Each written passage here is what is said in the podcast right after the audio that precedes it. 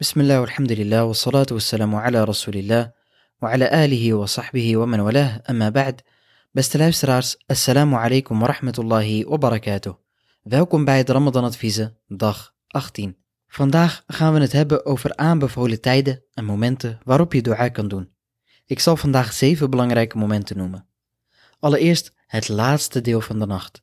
Dit omdat Allah subhanahu wa ta'ala elke nacht neerdaalt naar de wereldse hemel en vraagt wie vraagt mij om vergeving, zodat ik hem vergeef? En wie vraagt mij, zodat ik hem geef?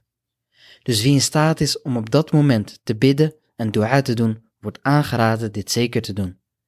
Ten tweede tussen de adhan en de iqama. Dus als de mueddin, de gebedsomroeper, klaar is met het doen van de adhan. Daarna is het aanbevolen om dua te doen. En dit is met name in een land als Nederland een extra motivatie om op tijd naar de moskee te gaan. Want in Nederland is het over het algemeen zo dat de adhan alleen in de moskee te horen is. Als je de mueddin hoort, dan zeg je hem eerst na, dus na elke zin herhaal je de zin die hij heeft gezegd, behalve als hij zegt hayya ala salah en als hij zegt hayya ala al-falah. Want op dat moment is het van de sunnah en aanbevolen om te zeggen la hawla wa la quwwata illa billah. Na de adhan zeg je de dikker die daarbij hoort en vervolgens kan je hand opheffen om dua te doen. Je kan ook eerst twee raka'at bidden en dan je handen opheffen. Vervolgens is het aanbevolen om dua te doen tijdens je sujud.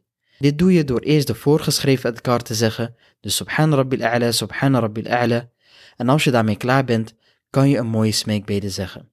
Het beste is natuurlijk een dua te gebruiken die overgeleverd is, want er zijn meerdere smeekbeden die de profeet heeft gebruikt tijdens zijn sujud.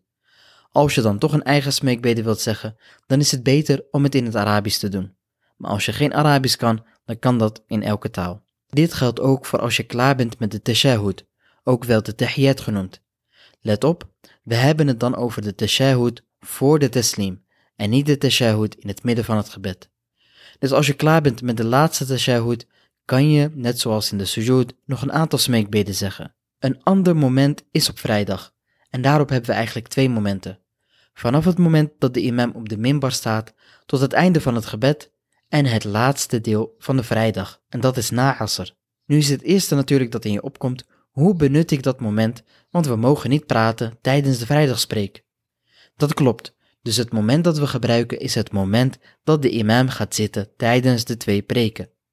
Nu is dat moment vrij kort, maar dat maakt het niet minder waardevol. En verder kunnen we dit moment ook benutten door amin te zeggen op de dua van de imam aan het einde van zijn preek. Vervolgens hebben we op vrijdag nog een moment.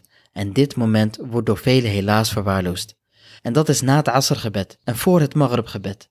En het is werkelijk een prachtige afsluiting van deze gezegende dag om aan het einde nog een moment voor jezelf te nemen en alles subhanahu wa ta'ala daarin te vragen en aan te roepen.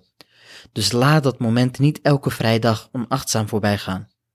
En als laatste, wanneer men vastende is. En met name aan het eind van de vastendag, dus voor Maghrib, wanneer het vasten het zwaarst is. Dus probeer er een gewoonte van te maken dat je dagelijks deze maand nog even dua doet op dit moment. En zo sluit je je vaste dag af met een gezegend einde. Morgen sluiten we dit onderwerp af door het te hebben over veel voorkomende fouten tijdens de dua. Mogen Allah subhanahu wa ta'ala onze smeekbeden verhoren en ons vast accepteren. Wa sallallahu wa sallam wa barak ala nabina Muhammad. وعلى آله وصحبه أجمعين. بدانكت فور والسلام عليكم ورحمة الله وبركاته.